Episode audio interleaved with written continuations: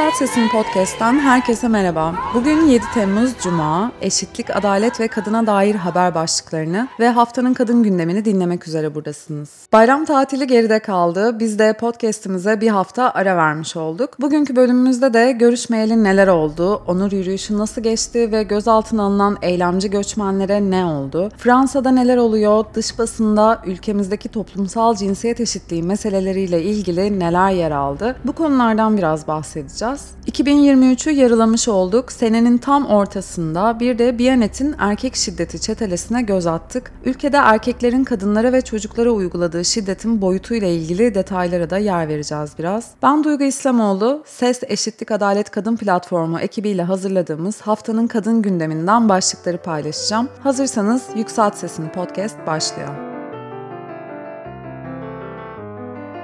Bir önceki bölümümüzde Onur Ayı etkinliklerine ve LGBTİ artı topluluğundan güncel haberlere yer vermiştik. Bugün de bu yılın Onur Yürüyüşü'nden söz edelim. Tüm dünyada olduğu gibi bizde de bu seneki Onur Yürüyüşü Haziran ayının son pazar günü yani 25 Haziran'da organize edildi. İstanbul LGBTİ artı Onur Haftası Komitesi bu yıl gerçekleştirilen 21. LGBTİ artı Onur Yürüyüşü'nün temasını dönüyoruz olarak belirlemişti ve yürüyüşün saat 15'te başlayacağını duyurmuştu. Ancak buluşma yeri malum engellemeler yüzünden belirtilmemişti. Polis yine de yürüyüş güzergahı boyunca önlem amaçlı olarak İstiklal Caddesi, Taksim Meydanı ve Cihangir'e çıkan sokakları bariyerlerle kapattı. Yürüyüşe dakikalar kala İstanbul LGBTİ artı Onur Haftası Komitesi sosyal medya hesaplarından yaptığı paylaşımlarla hazır bekleyen katılımcıları Teşvikiye'deki Mıstık Parkı'nda buluşmaya çağırdı. Parkta bir araya gelen aktivistler basın açıklaması yaparak mesajlarını paylaştı ve ardından Şakayık Sokak'ta sloganlar eşliğinde bir yürüyüş gerçekleştirdi.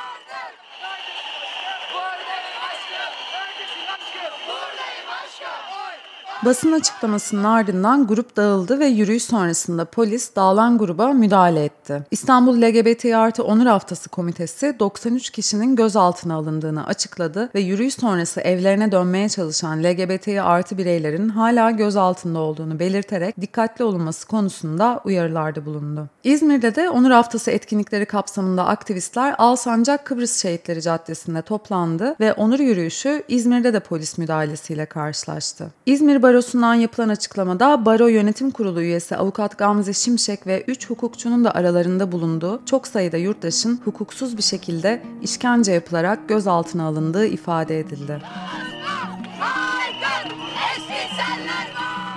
21. LGBTİ artı onur yürüyüşünde gözaltına alınan aktivistlerin birçoğu serbest bırakıldı. Ancak aralarında ciddi tehlikelerle karşı karşıya olanlar da var. İstanbul'daki onur yürüyüşü dağıldıktan sonra gözaltına alınan 113 kişiden 5'inin göçmen olduğu tespit edildi. Ve İran, Libya, Rusya, Portekiz ve Avustralyalı göçmenler çeşitli illerdeki geri gönderme merkezlerine götürüldüler. Özellikle Urfa'ya götürülen İranlı göçmen Elyas'ın akıbeti kritik. Muhalif duruşu nedeniyle İran'dan Türkiye'ye göç etmek zorunda kalan Elyas ve ailesi bir süredir İstanbul'da yaşıyorlar ve ailenin kayıtlı uluslararası koruma altında olan mülteci statüleri bulunuyor. Ancak Elyas Torabiba Eskandari onur yürüyüşüne katıldığı için İran'a iade edilmek isteniyor. Eğer bu gerçekleşirse eşcinsel olduğu bilinen Elyas'ın İran'da idam edilmesi söz konusu.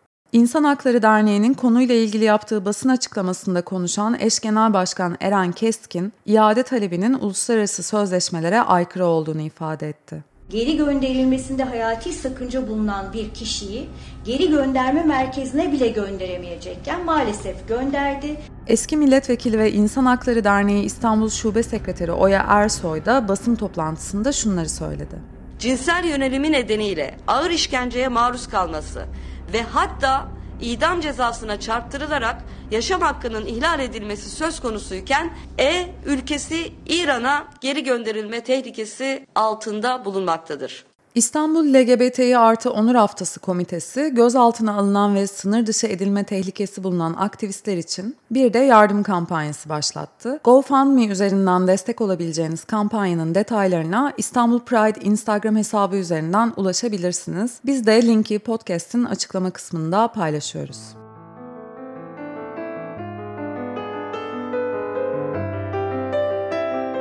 Türkiye İnsan Hakları Vakfı, Haziran ayı içerisinde yapılmak istenen Onur Ayı etkinlikleri ve bu etkinliklere katılanlara yönelik hak ihlalleriyle ilgili bir rapor yayınladı. Vakfın yaptığı açıklamaya göre Türkiye'de 3 ilde ve 1 ilçede Onur Ayı kapsamında yapılacak her türlü eylem ve etkinlik yasaklandı. Ayrıca 3'ü kaymakamlık, biri rektörlük tarafından olmak üzere toplam 4 etkinlik daha yasaklandı. En az 9 eylem ve etkinliğe fiziksel şiddet kullanılarak müdahale edildi. 4'ü çocuk olmak üzere en az 205 kişi gözaltına alındı. Türkiye İnsan Hakları Vakfı'nın raporu şöyle devam ediyor. En az 2 kişi yaralandı. 2 ilde barolar tarafından yapılan 2 etkinliğe de saldırı girişimi oldu. 2 ilde valiler sosyal medya üzerinden açıklama yaparak onur yürüyüşlerine hedef gösterdi ve yürüyüşlere izin verilmeyeceğini duyurdu. İki müzisyenin iki ilde vereceği 3 farklı konserde sanatçıların yaptıkları açıklamaların ardından maruz kaldıkları cinsiyetçi tepkiler gerekçe gösterilerek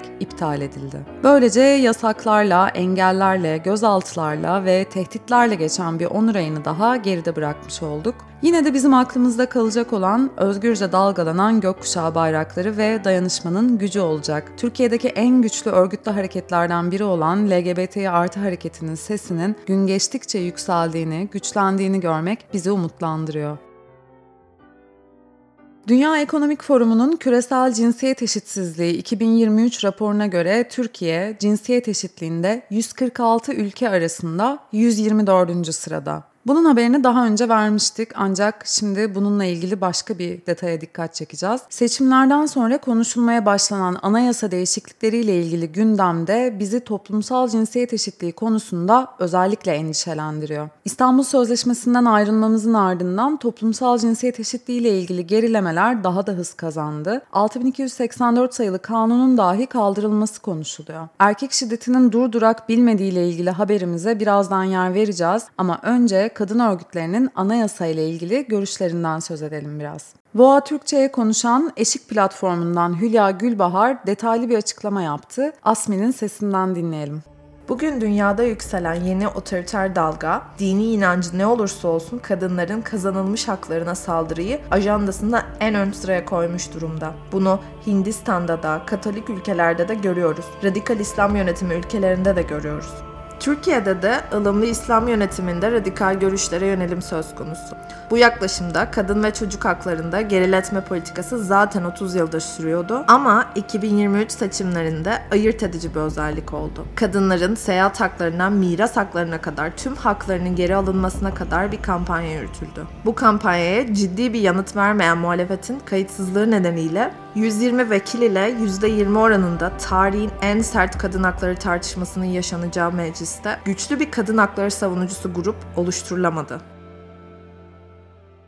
Türkiye Büyük Millet Meclisi'nde Yeşil Sol Parti dışında diğer siyasi partilerde kadın temsil oranı sembolik düzeyde kalırken yerel yönetimlerde ise bunun çok daha düşük olduğunu belirten Gülbahar, bunun küresel cinsiyet eşitsizliği raporuna ve Birleşmiş Milletler raporlanmasına da yansıdığını ifade etti. Ben Seçerim Derneği kurucularından eski CHP milletvekili Sena Kaleli de konuyla ilgili mevcut Türkiye Büyük Millet Meclisi'ndeki temsil tablosu nedeniyle toplumsal cinsiyet eşitliğinde gerileme beklenti beklentisi içinde olduğunu söyledi. Bakalım önümüzdeki siyasi dönemde anayasada ne gibi değişiklikler olacak ve bunlar kadınları, LGBT artıları ve azınlıkları nasıl etkileyecek?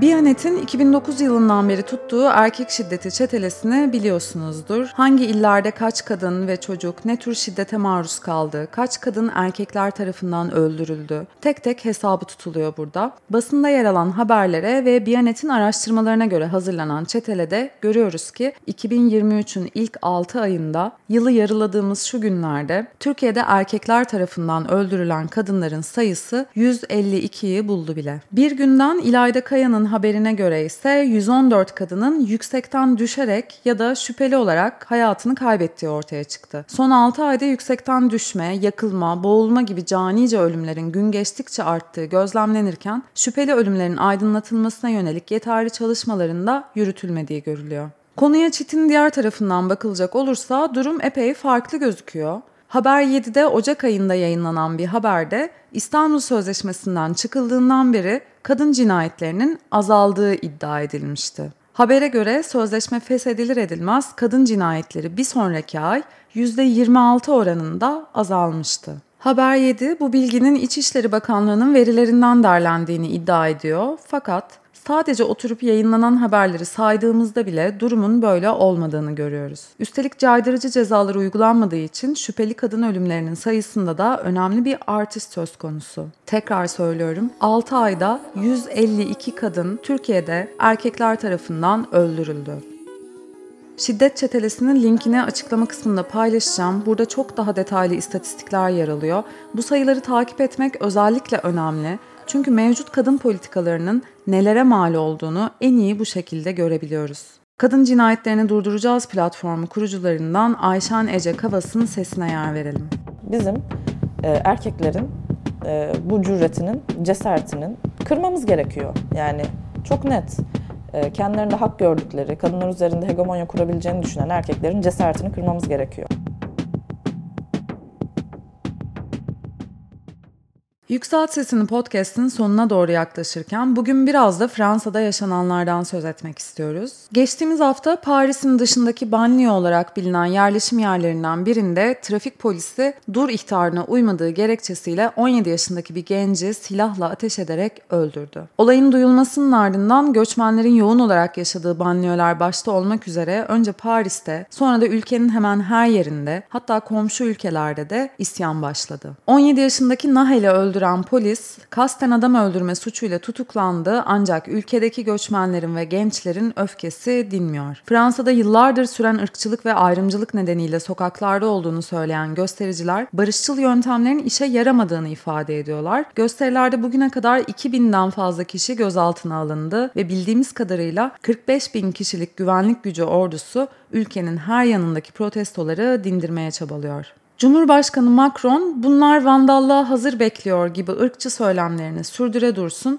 polis şiddetiyle öldürülen azınlıkların bir isyanı tetiklemesi ilk değil, anlaşılan sonda olmayacak. Biz Fransa'daki gelişmeleri takip etmeye ve eşitlikadaletkadın.org'da yayınlamaya devam edeceğiz. Önümüzdeki hafta hatta konuya daha geniş bir şekilde yer verip protestoları Fransa'da yaşayan uzmanların gözünden anlamaya çalışacağız. Konunun elbette sadece bir göçmenin öldürülmesine kızmakla ilgisi yok. Aslında ciddi bir ayrımcılık geçmişi ve sosyal adaletsizlik de söz konusu. Hatta Fransa'nın geçmişteki ve belki bugün de farklı şekillerde süre giden sömürgeci yaklaşımı konuşuluyor, tartışılıyor. Eşitlikadaletkadın.org'da yayınladığımız haberlerden birinde de ülkede yaşanan olayların başörtüsü yasağı gibi kısıtlamalarla ve ayrımcılıkla ilgisi ele alınıyor. Eğer konuyu detaylıca incelemek isterseniz online platformumuzdaki haberlere göz atabilirsiniz. Yüksel Sesini Podcast'tan bu haftalık bu kadar. Paylaştığımız linklere ve Ses Eşitlik Adalet Kadın platformumuza göz atmayı ihmal etmeyin. Bize sosyal medya hesaplarımız üzerinden yorumlarınızı, görüşlerinizi iletebileceğinizi unutmayın. Ben Duygu İslamoğlu. Haftaya daha güzel haberlerle yeniden bir arada olmak dileğiyle. Hoşçakalın.